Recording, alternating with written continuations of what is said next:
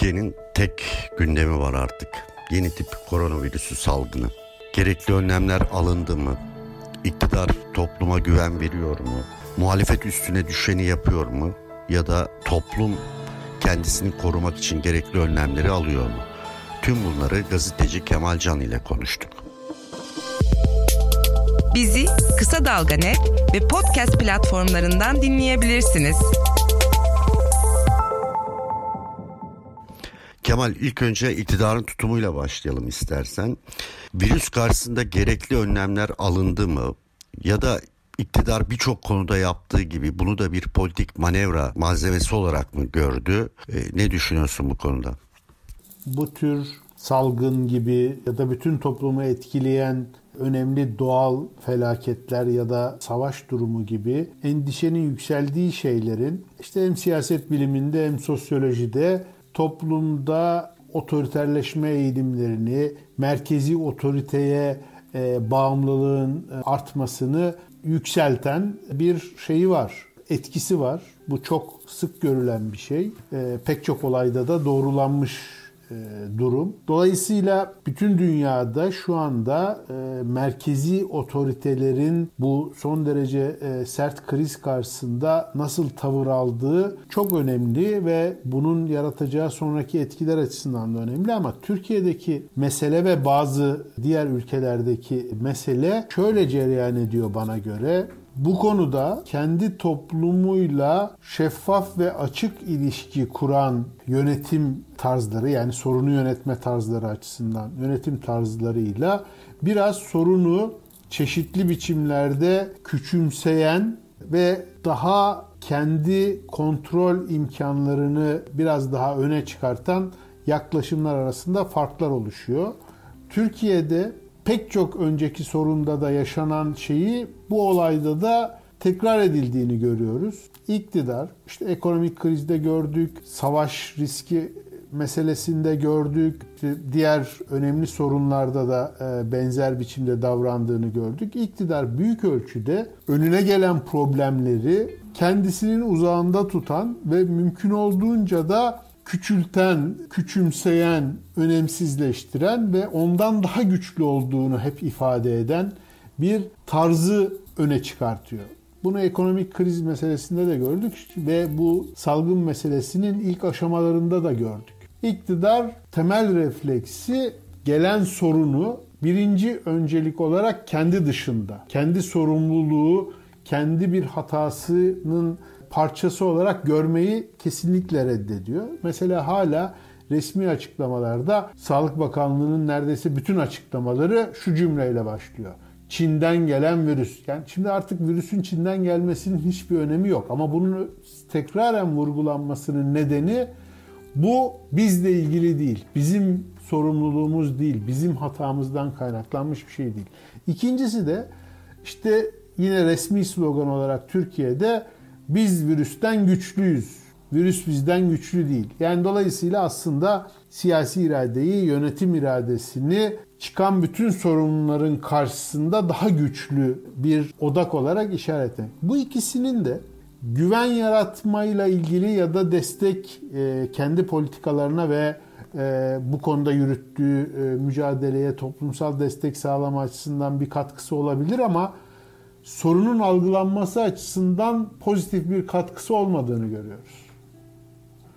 Dolayısıyla bu yaklaşım eğer sorun büyümeye devam ediyorsa bu tür sorun çözme biçimlerini yürüten politik tarzlara, politik aktörlere avantajlar yaratmıyor. Tam tersi onların eleştirilmesine neden oluyor. İşte bir benzerini İngiltere'de, bir benzerini Amerika'da da gördük. Bu illa daha e, otoriter yönetim tarzlarında değil, bildiğimiz yerleşik demokrasilerde de kendini gösteriyor. Ama mesela buna karşılık Avrupa'da daha çok meselenin önemini ve büyüklüğünü algılatmayı öne alan bir şeffaflığın daha fazla uygulandığını görüyoruz. Türkiye'de ise işte bir takım salgının yoğunlaştığı şehirlerin açıklanmıyor olması, rakamlarla ilgili tereddütlerin hala devam etmesi, şeffaflığın tam uygulanmaması, bu konudaki izolasyon ve diğer tedbirler konusunda son sınırlara kadar yani önden davranmak değil mecburiyetin zorladığı sınırlara kadar e, harekete geçmeme tarzının e, devam ettiğini, bazı toplum kesimlerini özellikle iktidarın politik olarak etkileme yeteneği olan bazı toplum kesimlerini ikna etmek konusunda çok kararlı tutumlar sergilenmediğini görüyoruz. Özellikle Erdoğan çok uzun bir süre halkın karşısına çıkmadı. İlk çıktığında da çok güçlü bir irade göstermedi. Yani tavsiyelerde bulundu. Erdoğan e, Türkiye'deki ilk vakanın açıklanmasının ardından yaklaşık 4 gün sonra kameraların karşısına çıktı ve uzun bir konuşma yaptı. Bir dizi önlemler sıraladı ki bunların çoğu ekonomikti. Bu önlemler salgına karşı yeterli olacak mı? Güven verdi mi topluma yoksa endişeleri daha da mı arttırdı? Erdoğan konuşmasını e, nasıl değerlendiriyorsun? E, şimdi iki açıdan bakılabilir. Yani e, biraz önce de e, söylediğim gibi aslında sorunun kendisine yani salgının hala başlangıç seviyesinde olan salgının genişlemesine dair siyasi pozisyonu ve bir yönetim olarak nasıl önlem aldıklarını gösteren çok önemli bir çıkış olmadı Erdoğan'ın konuşmasında. İşte bir tarihçe anlattı ki herkes zaten o e, kronolojiye hakim ve işte haftalardır pek çok uzmanın söylediği önlemleri tekrar etti. Yeni bir önlem açıklamadı. Ayrıca bu önlemlerin uygulanması konusunda tavsiye sınırının ilerisine geçmedi. Özellikle işte sosyal medya ve medyaya yansıyan haberlerden gördüğümüz kadarıyla ki hatta Konda'nın yaptığı araştırmada toplumun yarısına yakınının e, bu önlemleri uygulamadığı görülüyor. Bu önlemlerin uygulanmaması eğer toplumun yarısı tarafından önlemler uygulanmazsa aslında diğer yarısının devam ettiği önlemlerin de bir anlamı olmuyor. Bütün yapılan projeksiyonlar bunu gösteriyor. Dolayısıyla bunu kıracak güçlü ve ikna edici bir siyasi çıkış, bir kararlılık gösterisi sergilenmedi. O konuşma çok net biçimde aslında bunun büyük ölçüde beklendiği bir konuşmaydı. Çünkü uzunca bir süre halkın karşısına çıkmamıştı. İşin diğer tarafı ise bu çok da kısa sürmeyeceği anlaşılan sorun dolayısıyla ortaya çıkan ikincil meseleler, işte başta ekonomi olmak üzere e, hayatın devamını zorlayan konularda devletin nasıl bir güven vereceği konusundaki beklentiler de e, çok karşılanmadı. Gene orada sorunu biraz hafifleyen, e, küçülten, işte 2-3 haftada sorunu çözeceğiz. Hatta buradan bir takım fırsatlar çıkacak gibi e, aslında daha zorlu bir sürece hazırlanılması gerektiği fikrini değil, yine sorunu küçümseyen e, bir tarzı gördük ve açıklanan pakette işte bazıları son derece tutarsız şeyler. Zaten mesela evden çıkmayın denilirken ulaşım ve konaklama vergilerini düşürmek, işte ev kredilerini genişletmenin filan hiçbir karşılığı yok. Sadece listeyi kalabalıklaştırmak için paketin başlıklarını çoğaltmak için konmuş ve aslında mantıken de son derece tutarsız ve saçma duran e, şeyler vardı. Onun dışında özellikle işverenlere dönük bir takım kolaylıkların çalışanlara ve hatta çalışmayanlara nasıl aktarılabileceği ve toplumun bütünü için aslında bir e, dayanma, direnme ve kalkan e, tarifi olmayan, işte adı kalkan bu paketin ama kalkanın arkasına alınan veya korunanların son derece sınırlı ve iktisadi olarak işte sınıfsal tercihler olarak son derece dar bir kesim olduğunu düşündüren ve dolayısıyla toplumun bütünü için hem rahatlatıcı olmayan hem de güven verici durmayan bir paket oldu. Bir de paketin açıklanma biçimi işte Rıfat İşarcıklıoğlu'na keyfin yerinde filan gibi şakalar tıpkı daha önce şehit meselesinde yaşandığı türden tablolarda bu güvensizlik hissini galiba arttırdı. Ne yazık ki tablo giderek ağırlaşıyor. Her gün e, vaka sayısı artıyor. Ne yazık ki ölü sayısı da artıyor. Artık yetkililer ciddi önlemler almak zorunda. Bugün gazete duvarda yayınlanan yazında şöyle diyorsun. İktidar içindeki kanat veya klikler arasındaki gerilimin bu durumun şekillenişinde etkili olduğu söyleniyor. İktidar içinde koronavirüse karşı alınacak önlemler nedeniyle bir çatlama mı var? Şimdi bu daha önce başka meselelerde de bu ekonomik kriz meselesinde yerel seçimin e, İstanbul'daki yerel seçimin tekrar edilmesi konusunda Suriye meselesinde filan da gündeme gelmişti. İktidarın üstünde bir takım küçük klikler ve çıkar çatışmaları oluştuğuna dair çok sayıda kulis var. Bu meselede de hükümet içerisindeki bazı bakanların, bunların içinde Sağlık Bakanı da var, meselenin ciddiyeti ve bununla ilgili alınacak tavırlar konusundaki gayretinin bir başka ekip tarafından biraz engellendiği, engellenmeye çalışıldığı, bu biraz önce anlattığım sorunu küçümseme yaklaşımını her olayda e, zorlayan ekibin diyeyim. E, bu da üstelik galiba e, en yakın çemberdeki ekip. Bu ekibin yine daha etkili olduğu ve bu sorunun büyüklüğüne rağmen sorunu küçümseyen ve aslında iktidarın gücünü öne çıkartan bir iletişim stratejisini yürüttüklerine dair e, bir takım duyumlar var.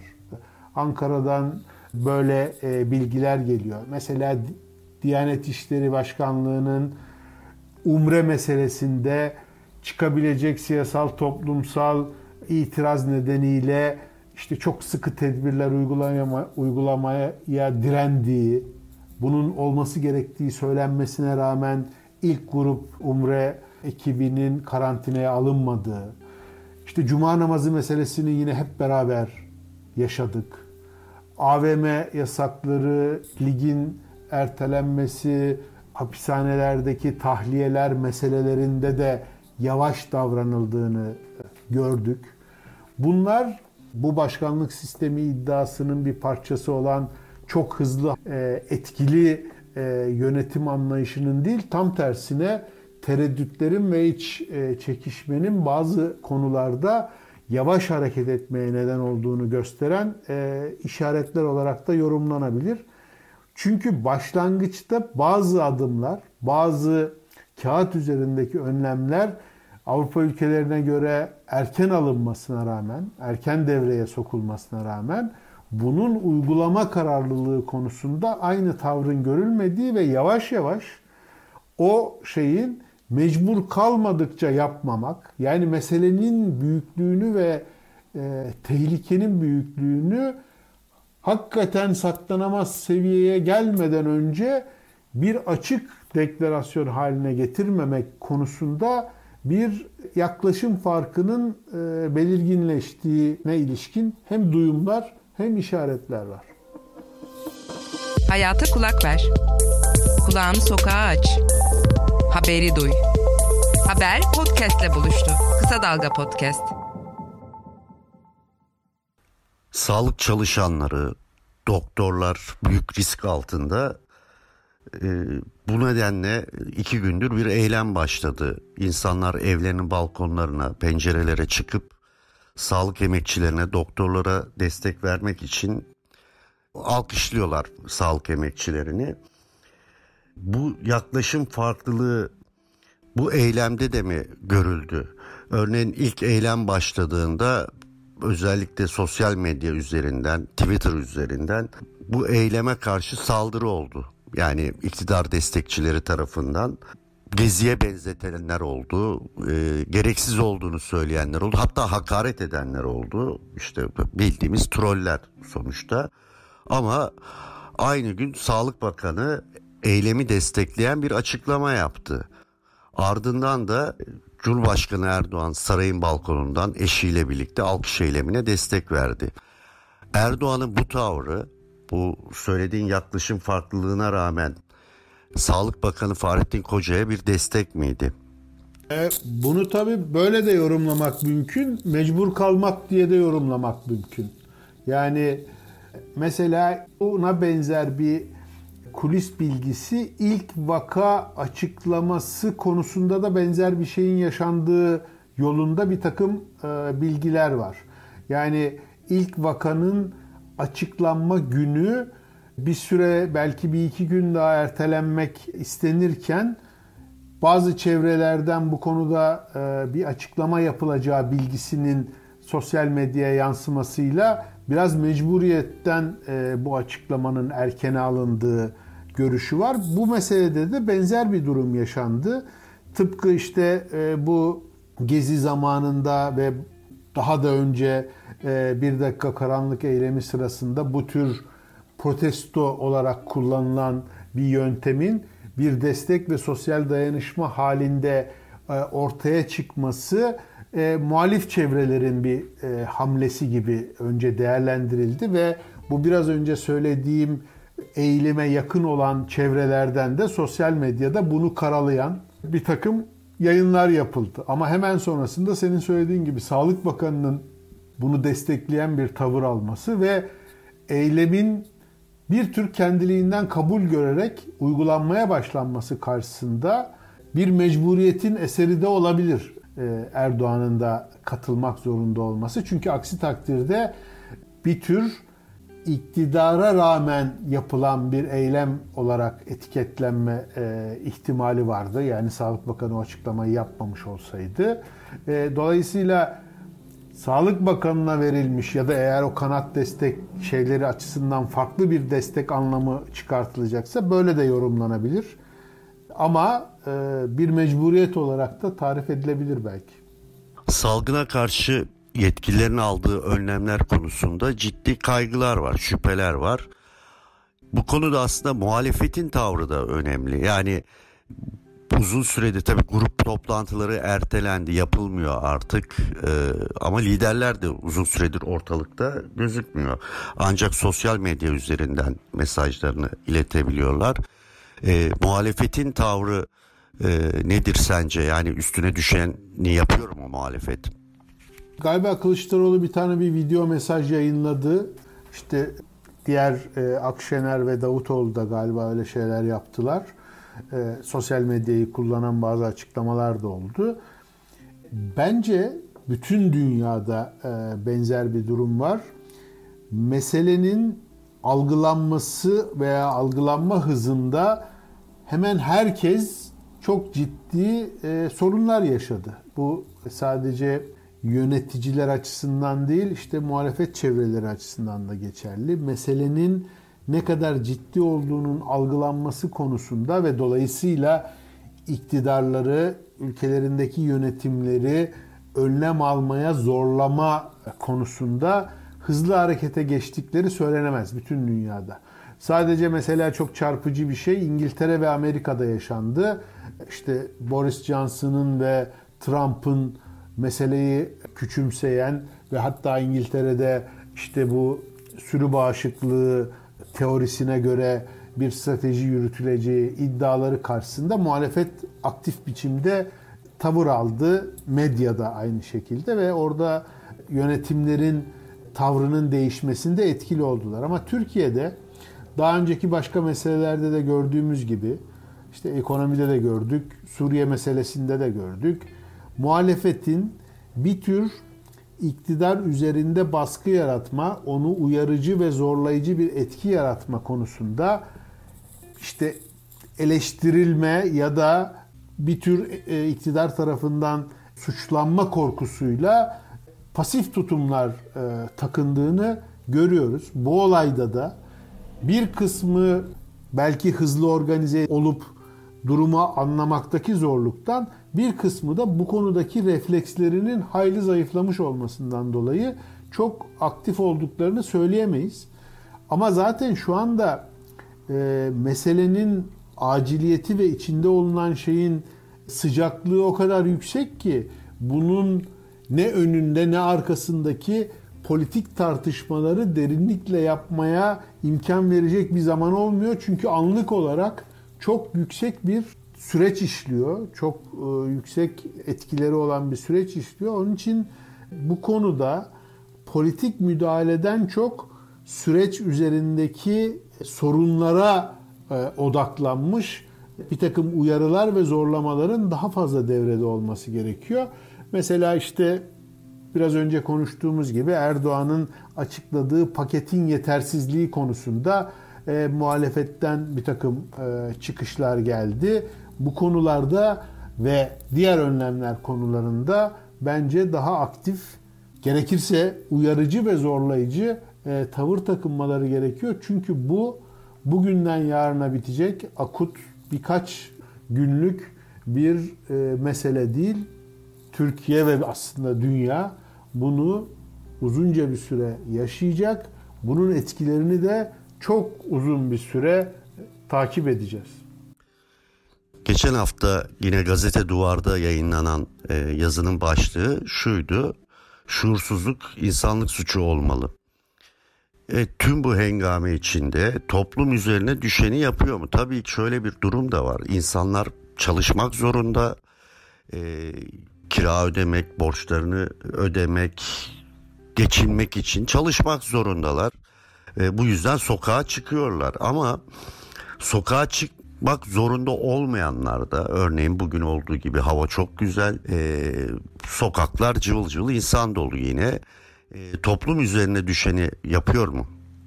Ya şimdi tabii hani mecburiyetler e, yani kamu otoritesinin sağlayacağı imkanlarla o mecburiyetleri e, küçültmek, e, o insanların hayatlarını kolaylaştırmak önemli. Mecburiyetler de dolayısıyla sokakta olmak zorunda olan, önlemleri e, zorlamak e, mecburiyetinde kalanlar olduğunu biliyoruz. Hatta pek çok kesim aslında hiçbir pakette e, adı zikredilemeyen pek çok kesim sokaklara çıksalar bile mecburiyetten sokağa çıksalar bile geçimlerini sağlayacak parayı kazanamayacak e, duruma gelmiş seviyede. İşte ne bileyim mesela bir simitçi için bu hayat kolay değil.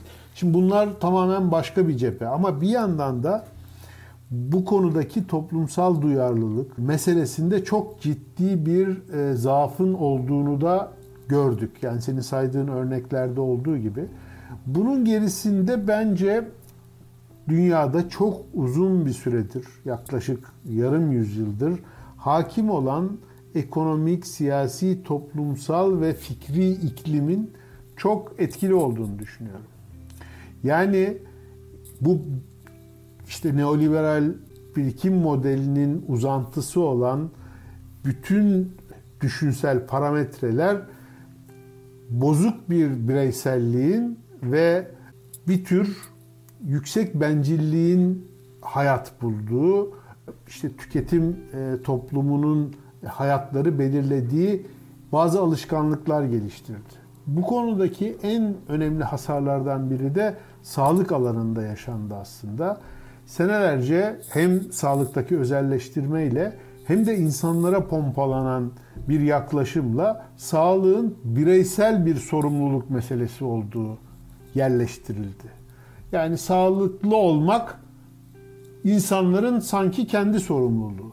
İşte sağlıklı yaşamalısın. Evet tabii insanların bununla ilgili kendilerine dair ve çevresine dair bir sorumluluğu var ama sağlığın toplumsal bir mesele olduğu bilinci hem yapısal olarak ortadan kaldırıldı yönetimler bazında hem de insanların kafasından gitti. Ve bu iş ilk ortaya çıktığında işte risk grupları, yaşlılar ölüyormuş, Çin'de çıkmış filan gibi ya da hatta daha ileri giden e, abuk subuk bazı yorumlarda işte ırkların etkilenme farkları filan gibi tuhaflıklarla meselenin e, algılanmasında bir tuhaflık oldu. Yani hani tabir yerindeyse bana dokunmayan yılan meselesi, benle ilgili değil bu konu e, gibi bir yaklaşım ortaya çıktı. Oysa ki buradaki risk gruplarının, yaşlıların daha fazla ölüyor olması buradaki her bir bireyin hiç hastalanmayacak olan bireylerin bile toplumsal sorumluluğunu değiştirmiyordu.